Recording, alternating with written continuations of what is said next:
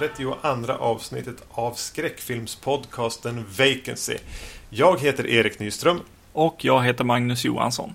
Den här gången ska vi prata om två Giallo, Dario Argento, Mario Bava inspirerade saker som heter Amer från 2009 och The Strange Color of Your Body's Tears från 2013. De här är gjorda av äkta paret Hélène Catet och Bruno Forzani. Hon är eh, fransyska och han är belgare, eller från den franska delen av Belgien. Just det. Precis. Så, så det blir ju eh, ett tema med de här eh, regissörerna helt enkelt. Eller filmskaparna. Precis. Mm. Du hade ju sett Strange Color, om vi kallar det för det. Vet jag på någon av de här eh, Monsters of Film. Var det i fjol eller var det kanske två år sedan? Det var nog två år sedan. Ja. Som jag såg den. Så någon gång då så, så har ju du även yppat någon åsikt om den. Ja, precis. Exakt. Vad nu det var, jag har ingen aning. Det kan, vi får se om den är densamma när vi... Du kanske minns vad du tyckte om den då? Ja, vi har fått lite kommentarer på att, att nästa avsnitt, eller det här avsnittet, eh, är Amer och, och den här filmen. Eh, mm. Och eh, då var jag inte så, så nöjd med den här andra filmen. Mm. Jag eh, tyckte att det var lite jobbigt att se i, i biomörkret där vet jag. Typ lång, tror jag jag sa säkert. Men vi får äh, väl återkomma till den. Eh, vi, vi, vi kör de här i kronologisk ordning som vi brukar göra. Mm. Eh, och börjar då med Amer från 2009.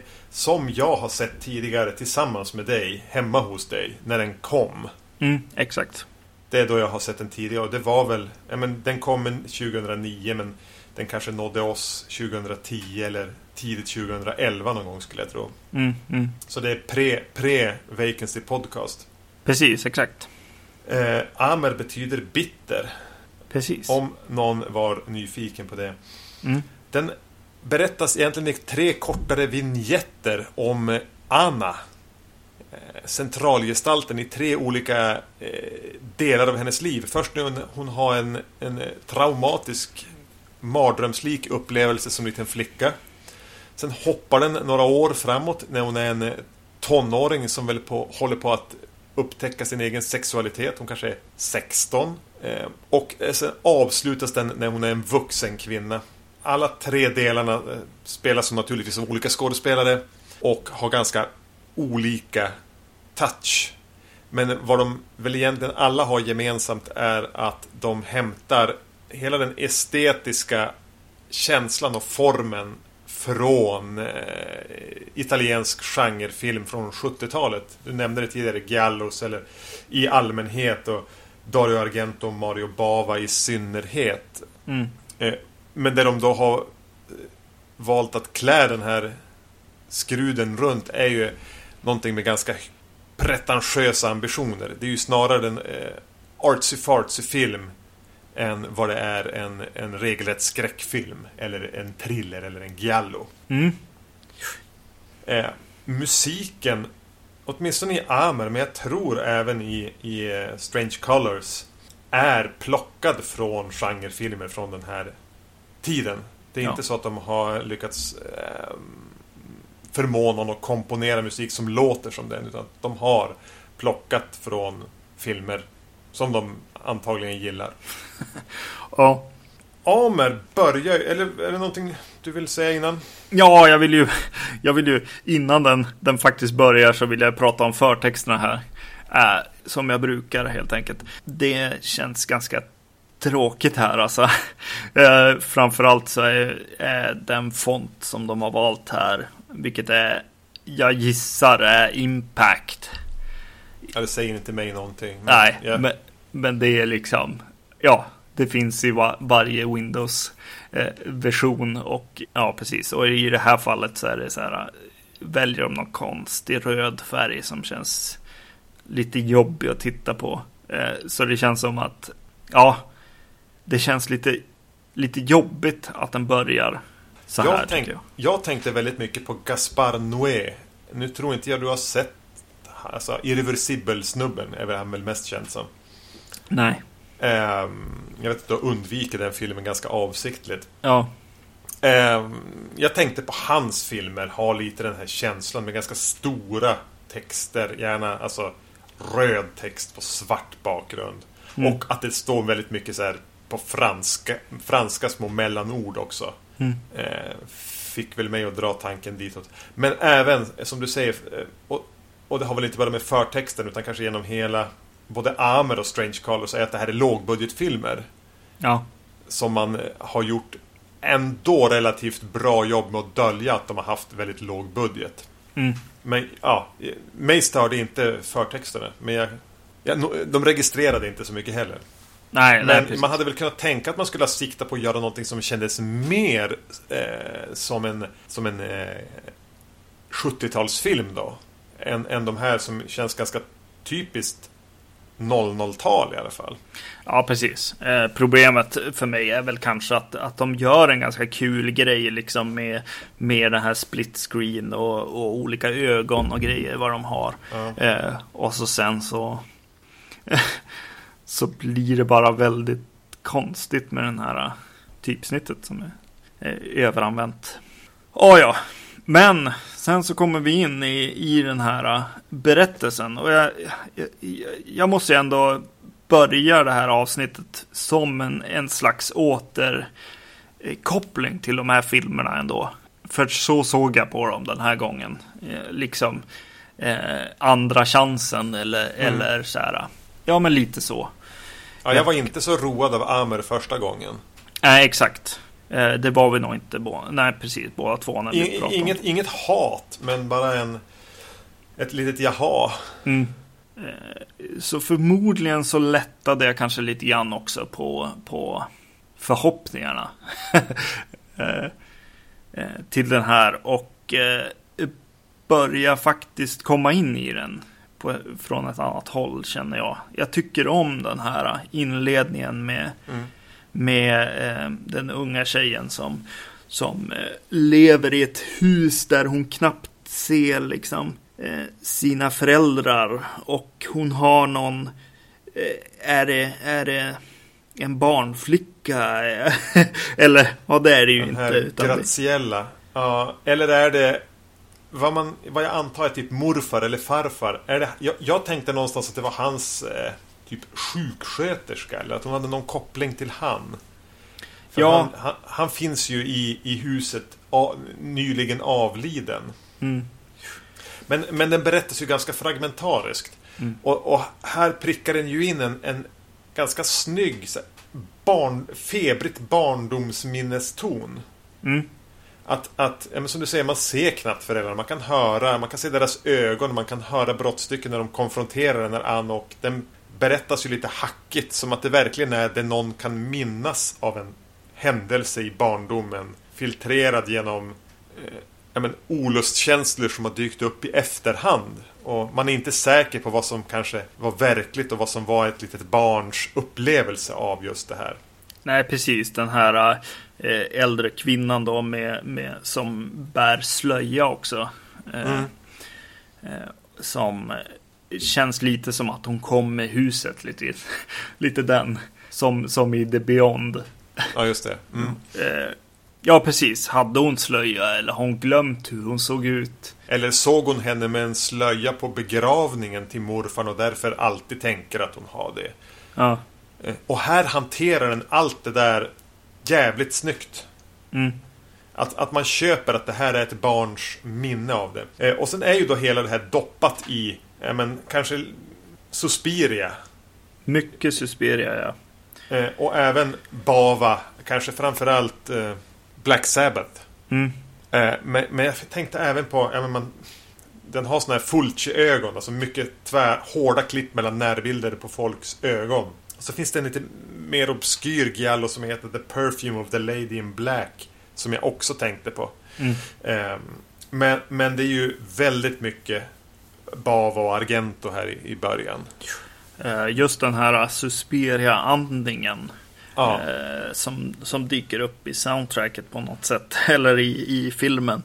Eh, där, där det känns som den här kvinnans andning liksom, liksom tränger sig in i, i rum hon inte ens är i och sådär. Eh, in i huvudet egentligen på den här eh, flickan. Och så är det ju jäkligt häftigt tycker jag när, när det väl e, eskalerar det här segmentet så, så ser eh, den här dottern, eh, barnet, ser en skugga komma under dörren. Ja. Som är en omöjlig skugga. Ja, alltså helt omöjlig. För den kommer liksom in genom den lilla så här, två centimeters glipan under dörren och blir jättelång. Ja, precis. Och är huvud och, och, och över, överkropp liksom som kommer mm. in över det. Eh, in under dörren liksom. Det tyckte jag var eh, häftigt liksom. Jäkligt bra idé. Och det ekar ju på något sätt också det här eh, i Suspiria. Eh, där de rummen binds ihop av ett badrum mellan och kanske är det någon mördare inne i badrummet mellan rummet där jag är och min rumska. Ja, man associer, eller jag associerade direkt till det. Mm. Eh, och sen har den ju en, en, en sån här mardrömslik utdragen scen eh, när hon är inne hos sin, vi kallar det morfar. Som är mm. död, som ligger kvar då i sängen liksom och är förberedd på något sätt för att Som på en likvaka nästan, hon går in där ensam Och rotar runt i rummet lite grann och Och är hela tiden väldigt, väldigt Icke-rädd För den här Makabert dödsminkade mannen ja. De har ju tagit det något snäpp lite för långt Vilket då associerar till men Det var därför jag sa Bavas eh, Black Sabbath segmentet där någon tar en död kvinnas ring. Där de har en död kvinna som ligger i en säng. Där de har tagit, alltså använder inte en mask på någon. Mm. Och tar det lite för långt bara för att skapa ett, ja, någonting skevt. Och här har de gjort samma sak. Mm. Det är nästan som att det här är en man som skulle vara flera hundra år gammal. Eh, eller samtidigt påminner då lite grann om den här Jelena Marcus i Suspiria. Ja. Så den väcker ju många eh, associationer för en eh, som har snöat in på den här typen av filmer. Ja. Och att scenen är ganska utdragen. Och att den här unga flickan aldrig är riktigt rädd. Trots att hon är inne med en död människa. Och börjar få för sig att även hon då tar en... Det är, inte, det är något eh, som man håller i händerna. Va? Det är inte en ring utan typ ett... Medaljong, vad heter det? En medaljong som man har mm. i sina knutna händer. Mm. Och är där och, och liksom bökar med det. Och, det är både så uppskruvat och nedtonat samtidigt. Ja, det finns ju någon, någon slags eh, härlig känsla av, av den här Susperia-häxan också som andas över, över hela, fil, hela den här avsnittet liksom på något sätt. Mm. Hur, hur, hur häxor dyker upp liksom. De, den aspekten gillar jag eh, också och att den dyker upp lite Ja, framförallt här då förklaras den eh, som har, har då såtts lite grann innan i hennes rum själv. Liksom. Mm. Ja, den här inledningen är ganska häftig alltså. Och så sen kommer den ju Giallo frågan egentligen, liksom den stora frågan. Går man sönder som eh, barn om man ser sina föräldrar ha sex? ja, för det, det är ju då, trots allt det hon är med om här, så när hon råkar gå in på, alltså se sina föräldrar ha sex, som, som den kickar in i ett superpsykedeliskt läge. Mm, mm. Eh, verkligen 70-tals psykedelia. Ja, precis. Ja. Eh, och det är ju ett behagligt parti på några minuter. Mm, ja, precis. Eh, så, så, som du säger, för mig, den tar verkligen revansch på mig, den här första segmentet av Amer. För jag minns ändå att när jag hade sett den tidigare, att, äh, var mina minnen av att jo, men första delen var nog den jag tyckte bäst om. Men att den fortfarande var lite mähä. Mm. Men nu ser jag det som bara, sett som en kortfilm så är det ju en, en mustig hyllning till, till filmer som de här äkta paret uppenbarligen älskar. Ja. Och sen går det då ganska raskt vidare när vi får träffa Anna när hon är, ja men vad sa jag, 16 kanske och ska in till stan med sin mamma. Mm. Och här byter den ju helt eh, skepnad. Mm. Även om det kommer en, en låt som är väldigt giallo. Det vill säga Love Theme från en giallo. Mm. Hon åker in till stan med sin mamma. Eh, och det handlar väldigt mycket om att hon män tittar på henne och ser henne som en sexuell varelse och hon någonstans kanske själv blir medveten om sin sexualitet. Ja, precis. Exakt. Nä, nästan lite Terrence Malick-aktig eh, liten vignett. Mm, precis, den är ju lite kortare än de andra två. Eh, ja, precis. Jag eh, tycker ju att det är någonting riktigt bra här i castingen. Eh, de kanske överdriver med skådespelet eller regin här lite grann med att hon går omkring och, och har, och har en, eh, en liten bit av hennes hår i munnen. Mm. Eh, det, det är ju liksom visuellt och, och säger ju en hel del om, om scenerna som kommer här eller eh, vignetten här. Men själva castingen, att hon har sån sånt slags, ja men barnsligt utseende och utstrålning på något sätt ändå. Samtidigt som hon har väldigt så här fylliga läppar och, och, och det känns som att hon liksom, ja, hon är verkligen hälften kvinna, hälften barn på något ja. sätt.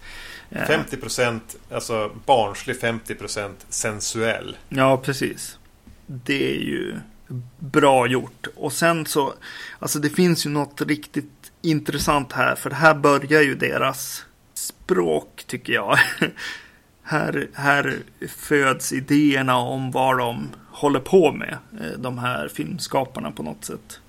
Mm. Eh, och eh, det handlar inte om bitarna man blir rädd av i Giallos, utan, utan mer av den sensuella biten och kanske till och med sensuella bitar man, man själv inte upp, upplever i, i, i Gallon.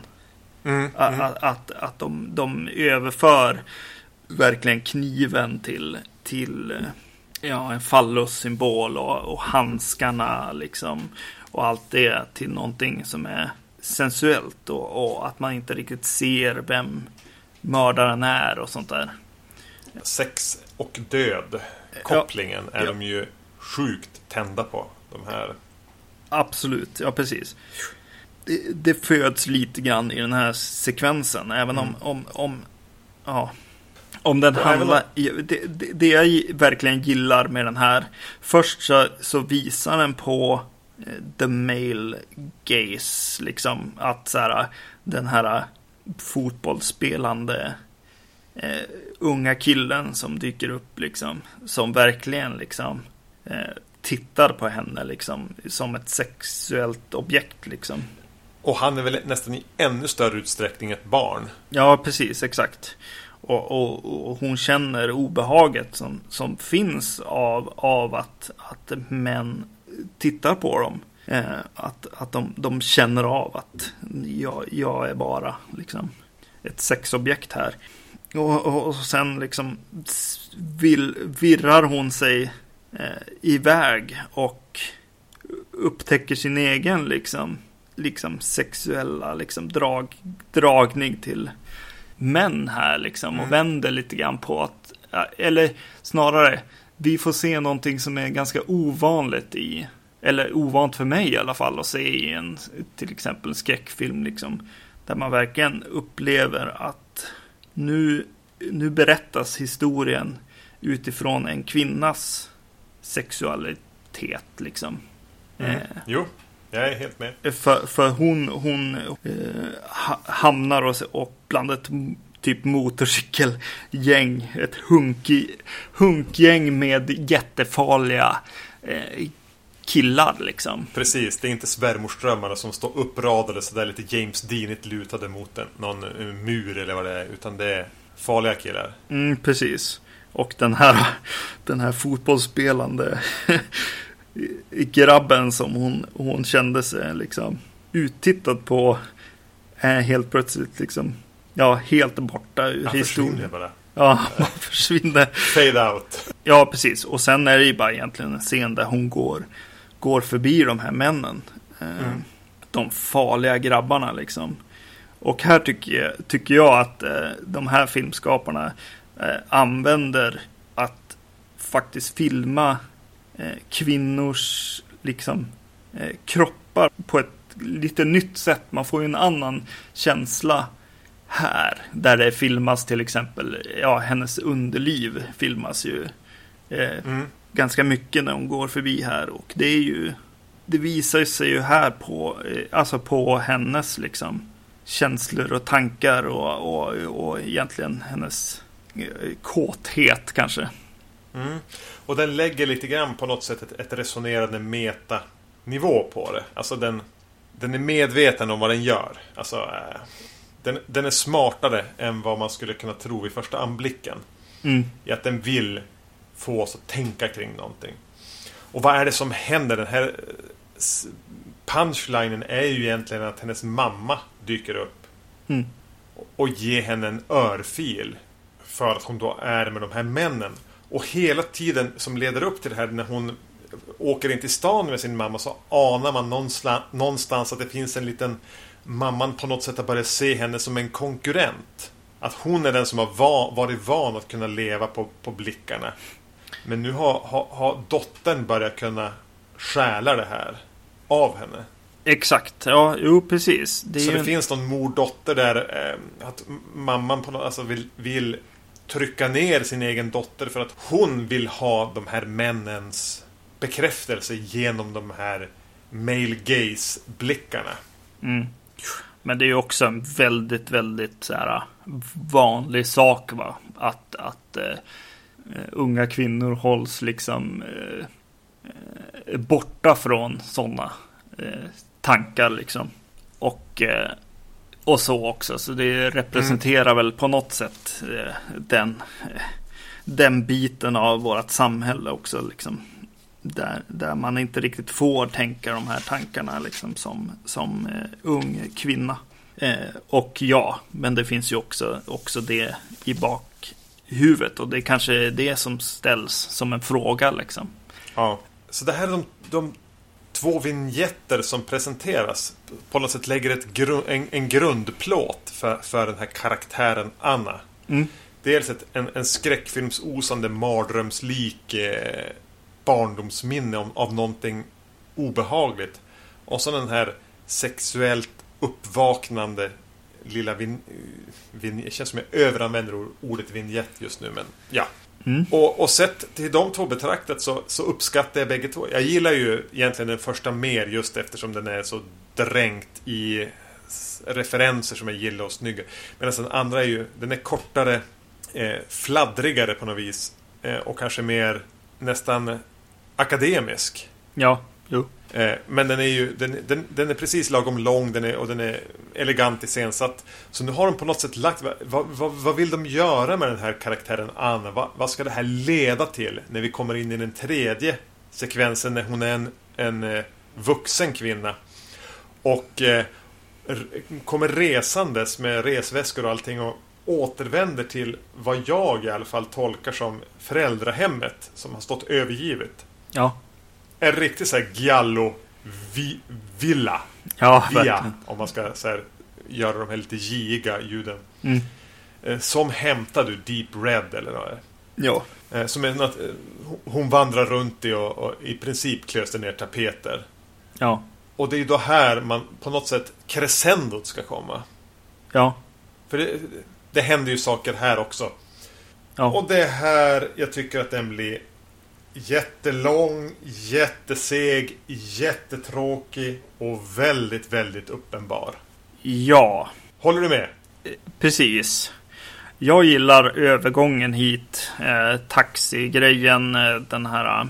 Eh, ja, framförallt att de lyssnar på en låt från, från en film som har fastnat väldigt, väldigt starkt hos mig. Eh, på senare tid. Eh, Mario Bavas eh, The Girl Who Knew Too Much. Eller e Evil Eye heter den också. Mm. Ja, den referensen missade jag. Det var de, inte för länge sedan jag såg den. Ja, precis. Men de, de lyssnar på en låt med, med sång och allt i, mm. taxin. Och ja, det, det värmde ju liksom. gillade jag. Men, men ja, och här, och här går vi ju in. Alltså, här dyker man ju in redan i taxin så blir det lite så här, ja det är så här taxin från Susperia. Alltså, det blir så väldigt mycket referenser och man får lite känsla av att man, att man ser på de här filmskaparnas liksom fantasier kring giallo-genren eller, eller eh, sexuella fantasier rent eh, runt den här genren. Mm. Och, och där tappar den lite mig för jag Alltså tänk om jag också hade sådana. Eh, Då hade jag stormgillat det här förmodligen. För det är väldigt mycket stilreferenser och, och liksom eh, Dario Argento. Vilket ju är liksom ja, en, en favorit hos mig liksom. Ja, men bara han om att kasta som taxichauffören är ju som hämtad ur typ Sleepless eller någonting. Mm, mm. Tråkig, träig, lite hunkig. Ja. Mm. Torr.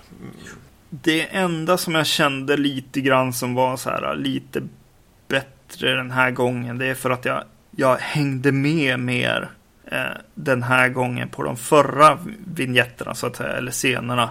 Eh, Mm. Där jag känner att det finns ett starkare kvinnligt perspektiv här. Eh, Mm. Eh, Framförallt hur man filmar kvinnokroppen eller använder det som sagt som jag redan har pratat om. Och eh, ja, det handlar om, om, om den här karaktärens känslor och tankar och fantasier. Inte filmskaparens på något sätt. Eller ja, i det här fallet kanske det är så eftersom att det är en kvinnlig regissör med här också. Men det blir inte samma male gaze eller, eller kvinno, liksom eh, rädsla för kvinnor och så som man kan se i, i italiensk eh, genrefilm från 70-talet helt enkelt. Eh, Eller, eller Dario Argento eller Lucio Fulci. Eller. Här är det ju någon som är medveten om de här gubbarnas komplicerade förhållande till kvinnor och vill nästan väva in ett resonemang om det i den här filmen. Mm. Eh, och det finns, man, man hör ju hela tiden liksom deras, deras eh, kugg, kugghjulen i deras huvud så här klicka och knaka genom hela filmen. Men det känns inte fräscht och intressant längre när vi kommer här. Den, den tar inte ett tredje steg uppåt. Utan den tar snarare en massa steg neråt. För mig i alla fall. Och blir... Ja men det, ni kanske inte... Den här akademiska resonemanget i film kanske inte var mer än 45 minuter. Nej. Men nu har ni hållit det här vid liv för länge. Eh, Eller så hade ni ingenstans att ta det här, det ni vill göra med den här Anna-karaktären på ett intressant sätt. Nej. För det, det handlar ju mycket om en psykologisk studie av en kvinnas eh, sexualitet i ett mansdominerat samhälle. Där våld ständigt är en faktor. Mm. Det är väl någonting sånt där jag tänker att de vill prata om. Ja, ja, precis, exakt. Men att den bara skrumpnar ihop och dör under sista. Tyvärr är det väl även det längsta segmentet. Ja. Ja, den här dragningen till farliga män och sånt. Man, man vill ha lite mer svar någonstans. Ja.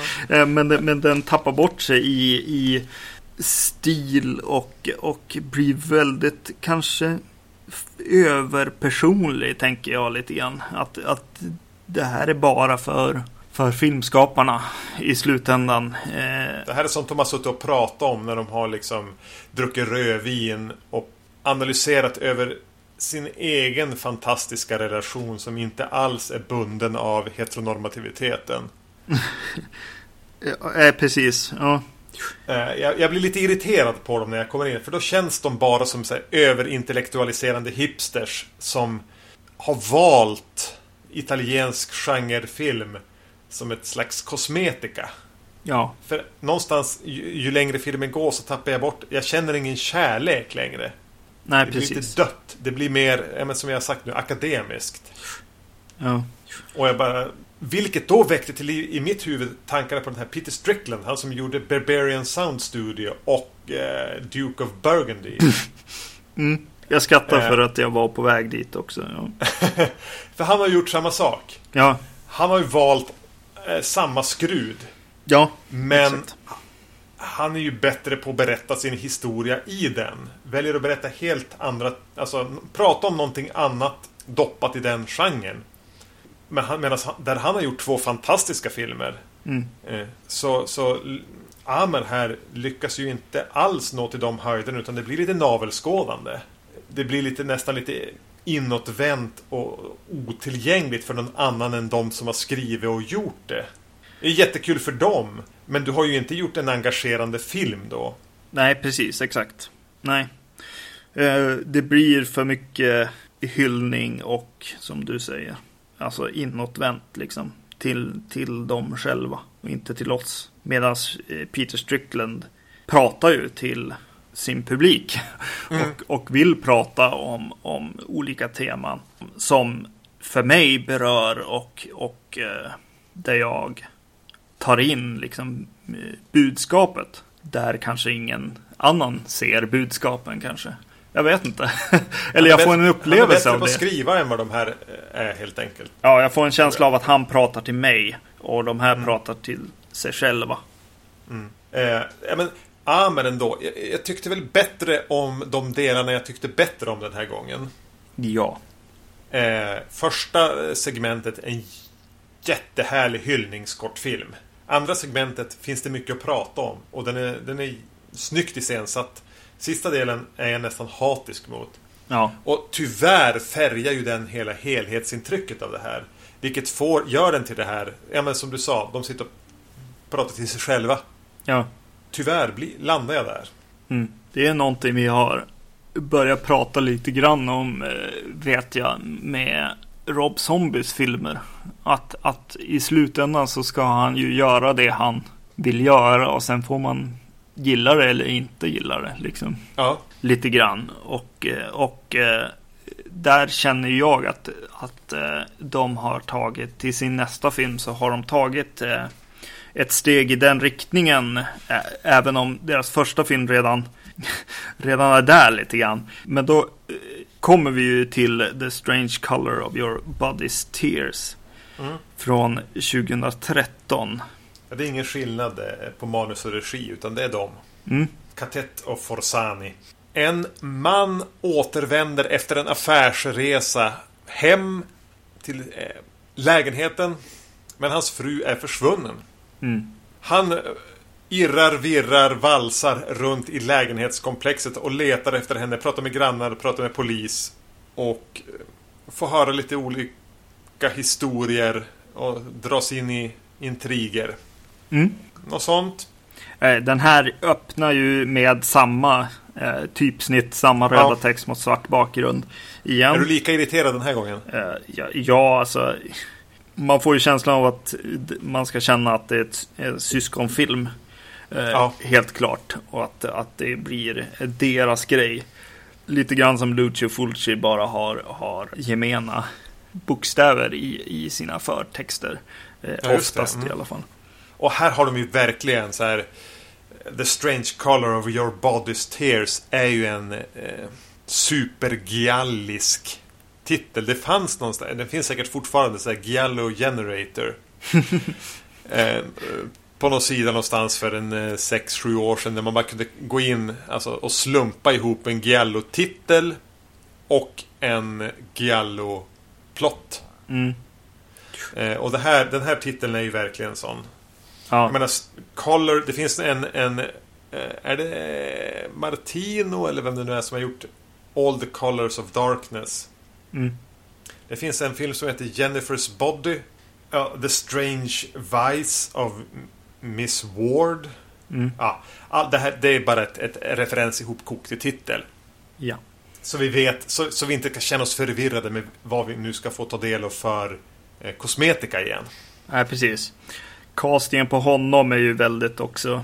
Han, han känns ju också som en giallo, kanske snut snarare än en leading ja. man kanske. Ja, ja, här har de hittat den här som nästan saknade, som man nästan saknade i Amer. Den här jättetråkiga mannen som vi ska följa genom, genom händelserna. Mm. Eh, och gärna då ska han spela som någon som inte är italienare. Och det är han ju inte. Det är någon dansk. Just det. Och det, det, är de ju medvetna om. Jag tror han, han heter ju något danskt i filmen och sådär. Mm, han pratar danska ibland också. Ja. Mm. Eh, precis, och han dyker upp i filmen med, med någon tändsticksask som har så här Giallo, alltså böcker, Giallo, ja det har vi pratat om tidigare. Det är ju någon slags eh, whodunit eh, noveller egentligen, eller böcker i, Mm. eh, som släpptes då i Italien som man började göra film på helt enkelt. Som är någon slags eh, blodigare och sexigare whodunit, eller vad heter det? Deckare Men- helt enkelt. Ja, Agatha Christie fast med sex och blod. Ja, precis. Och, och ryggen var gul. Ja, därav Gialli. Och, och eh, på framsidan var det ofta en, en röd ring med, i det gula. Då, gul bakgrund, röd ring och så vet det, själva omslaget liksom inritat i mitten av den här ringen.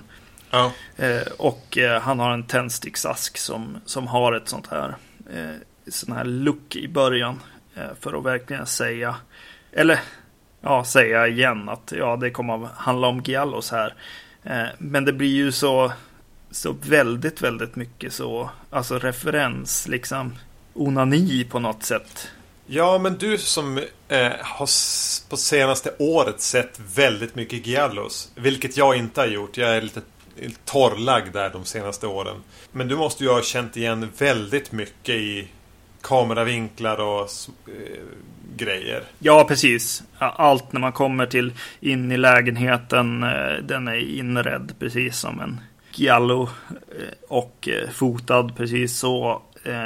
Hans fru, fru heter, nu har jag så dåligt uttal, Ed, Ed, Ett vige, ja. Mm. precis. Eh, Som ju är en, en eh, Giallo-skådespelerska. Ett vige Fenech, eller vad hon heter. Jo, hon Ja. är drottningen nästan. Mm. Det, blir, det är ju för mycket liksom. Ja, men i, i någon av de här, om det är Strange Vice of Mrs Ward och eller om det är Your Vice is a locked key and only I have the... Nej, Your Vice is a locked room and only I have the key. I någon av dem så är det en sån här scen som har fastnat i mitt huvud som kommer i en tillbakablick när någon slår sönder en glasflaska eh, över en kvinna, alltså i sängstolpen typ så glassplittret regnar ner över hennes nakna kropp och sen lägger de sig ner och har sex med varandra med, medan glaskrosset skär sönder deras kroppar. Mm. Det är en sån här scen som har fastnat i mitt huvud sedan jag såg den för tio år sedan. Mm. Och det är ju med här. Ja, precis, exakt. Och då kände jag bara, jaha, Ja, ja ja, vi är där. Ja, och ganska snabbt inpå så är andningarna tillbaks också från eh, Suspiria. Eftersom att de är ett ganska mys- De är i något slags mystiskt ändå eh, komplex där. Ja, men tänk hus i Inferno, tänkte jag hela tiden på. Ja, exakt, exakt. Ja, är det är jag- där de är. Ja, precis, exakt. Så ja, alltså här var jag ja, mer än lovligt less på att inte bara... Alltså här börjar du känna jag låna eller inspireras av eller göra någonting eget med utan bara här copy-pastar ni en massa saker nästan cyniskt börjar det kännas här. Eftersom ni har gjort det en gång i Amer, då känns det nästan som en hyllning. Mm. Men när ni gör samma sak en gång till med själva formen, Ja, då, då, då känns det mer som, som att ni har slut idéer. Precis. I, I Amer, ja, det är kanske därför det blir så jobbigt i slutet. Men det är att man känner ju att den är på väg någonstans. Eh, väldigt, väldigt mycket. Den har lovande första halva. Och att den pratar om någonting. Eh, Alltså det gör den i slutet också tycker jag ändå. Också. Eh, det här med kvinnans sexualitet och, och Ja, männens, eh, hotet från männen och allt det där. Eh, Absolut, men den, den knyter inte ihop det så bra. Nej, precis. Eh, Medan den här liksom, alltså vart, vart, vart, vart ska ni någonstans liksom? Det är bara vi, vignett på vignett så att säga. Ja, gud ändå. Eh, Eh, Jag såg den här mm, och min sambo jag såg, jag tror jag såg den uppdelat på två sittningar. Sånt är livet. ja, den är ju längre Oh. än Amer också. Ja. Ja. Och min sambo var i rummet båda gångerna, åtminstone delvis, och satt med iPaden och såg på något förmodligen bättre. Eh, och bara sneglade ibland, eller tittade upp ibland och bara tittade på mig och så tittade ner i iPaden igen. eh, för, för den är ju, blir ju väldigt psykedelisk. Ja, Alltså det är så ja men eh, split screens och det är mönster och det är mm, rött ljus och det är blått ljus och någon som går genom ett rum och upprepningar av saker och någon som skär i en svart handske och den här, så här door buzzern bara, som återkommer på ett irriterande sätt om och om igen. Och jag kunde ibland känna bara, ja men fan vad härligt. Mm. Det här flummet det är. Jag önskar att jag hade varit en sån här som tog droger. jag är där lite grann ibland. Ja.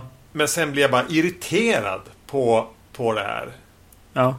Ja, men när de träffar på någon granne som, som tittar tillbaka på en berättelse om hur hennes man blev inom citationstecken tokig och försvann upp i taket och ja, var kröp i taket och vi får veta att det finns gångar mellan väggarna och det finns någon kvinna som heter Laura. Och ah, jag, blir, jag blir matt. Ja.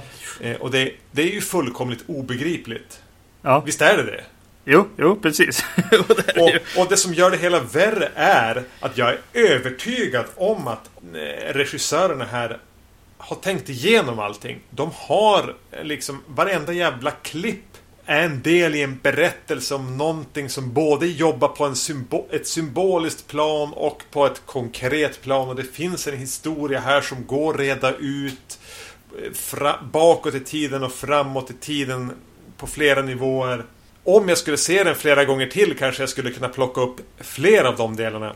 Men till skillnad från om jag ser den här och om jag ser Inland Empire så är jag helt jävla ointresserad av att se den här filmen en gång till för att ta reda på någonting mer. Det finns inget som engagerar, involverar eller berör mig Nej. med filmen. Så jag, jag bryr mig inte om jag kan förstå mer vid en andra tittning. Jag är inte intresserad av att veta mer av allt det här jävla hattandet hit och dit och vinjetterna hit och dit och referenser och symbolik och eh, vad fan det nu handlar om. Jag bryr mig inte.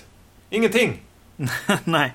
Nej, precis. Nej, men det är ju så när man, när man får se den här tillbakablicken till det äldre paret liksom.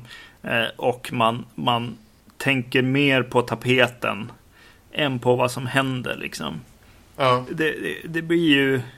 Ja, det blir ju bara jobbigt. Och så sen blev jag väldigt upphakad på liksom att man döper liksom karaktärer så här. Det blir, det blir aldrig bra. Det blir aldrig roligt. De kunde heta Dario och Argento i princip de här. Ja. Den andra eh, lite eh, sensuella kvinnan som dyker upp här eh, som något slags, eh, jag- jag vet inte, hot eller någonting.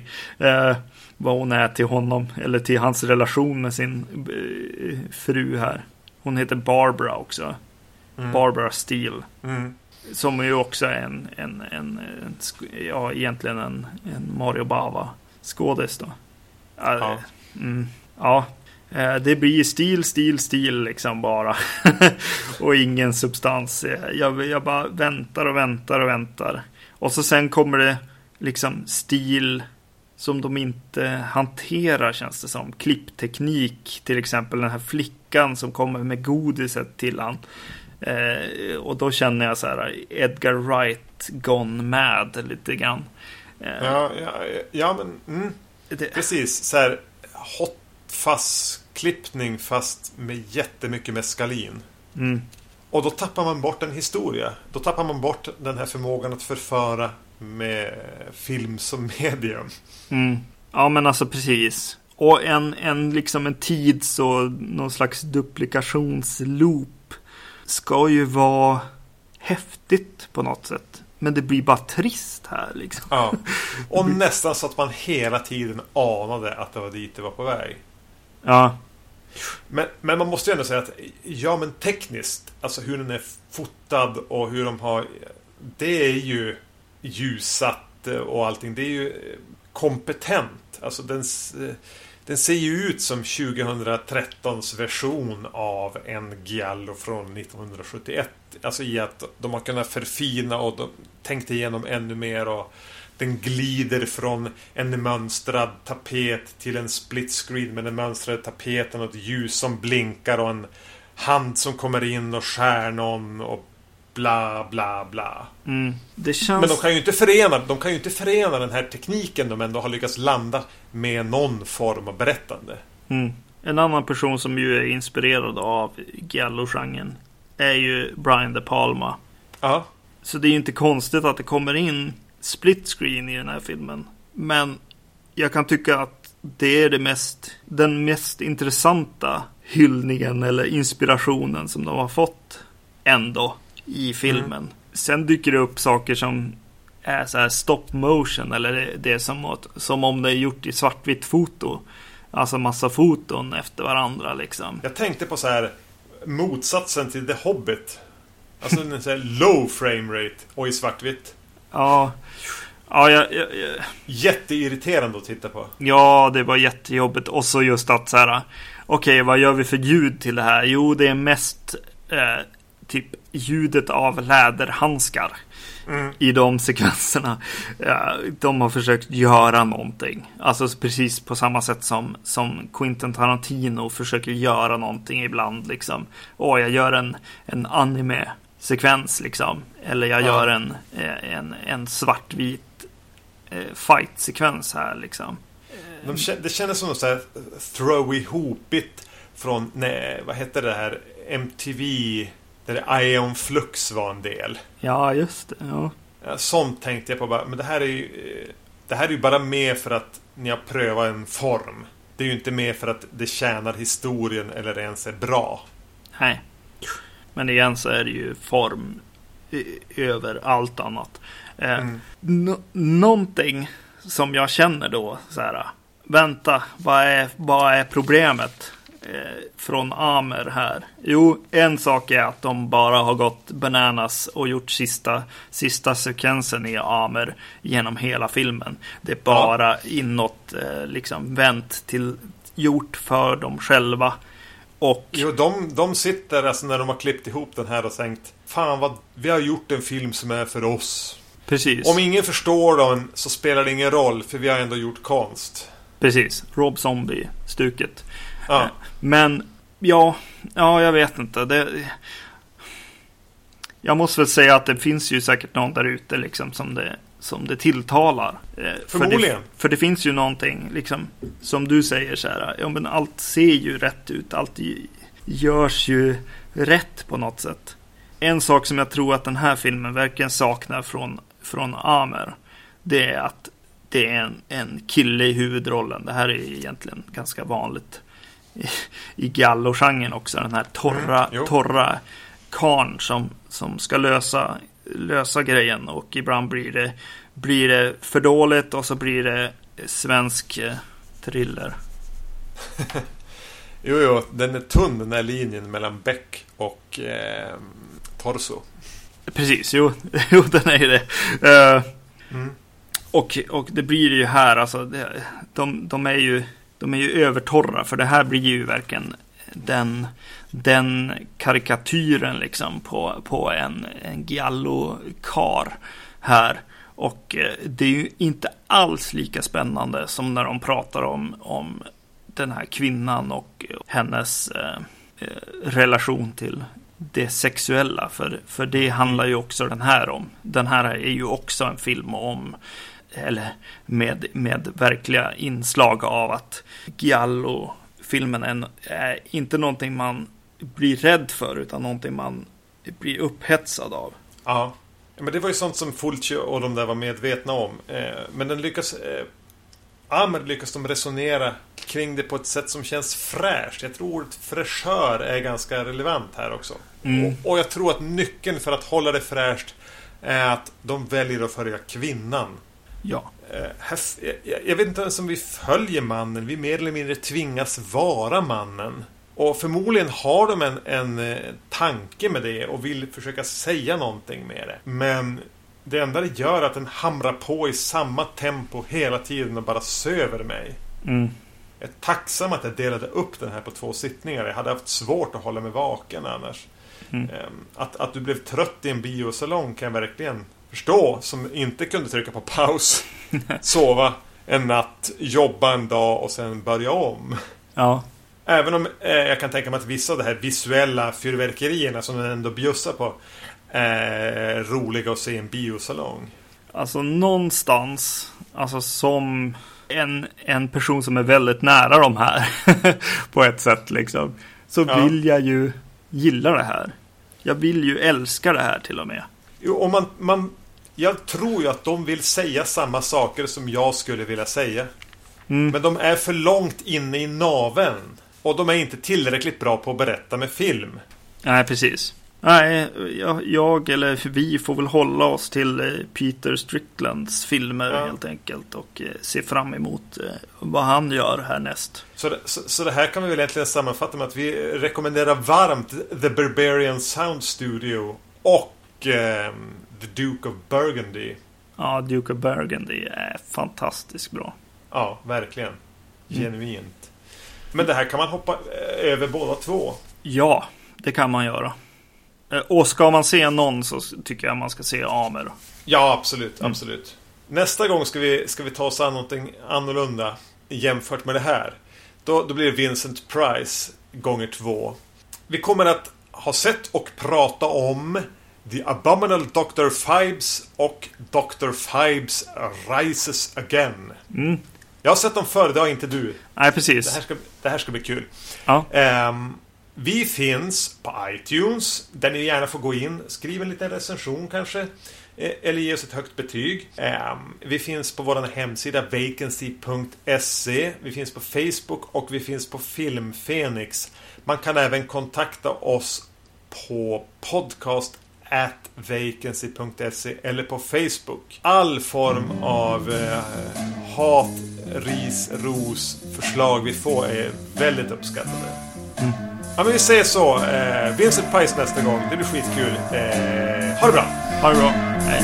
Non vivo più, non voglio più l'amore Perché l'amore vuol dire amare solo te Voglio soffrire, soffrire tutti, odiare Dimenticare cosa sei stata per me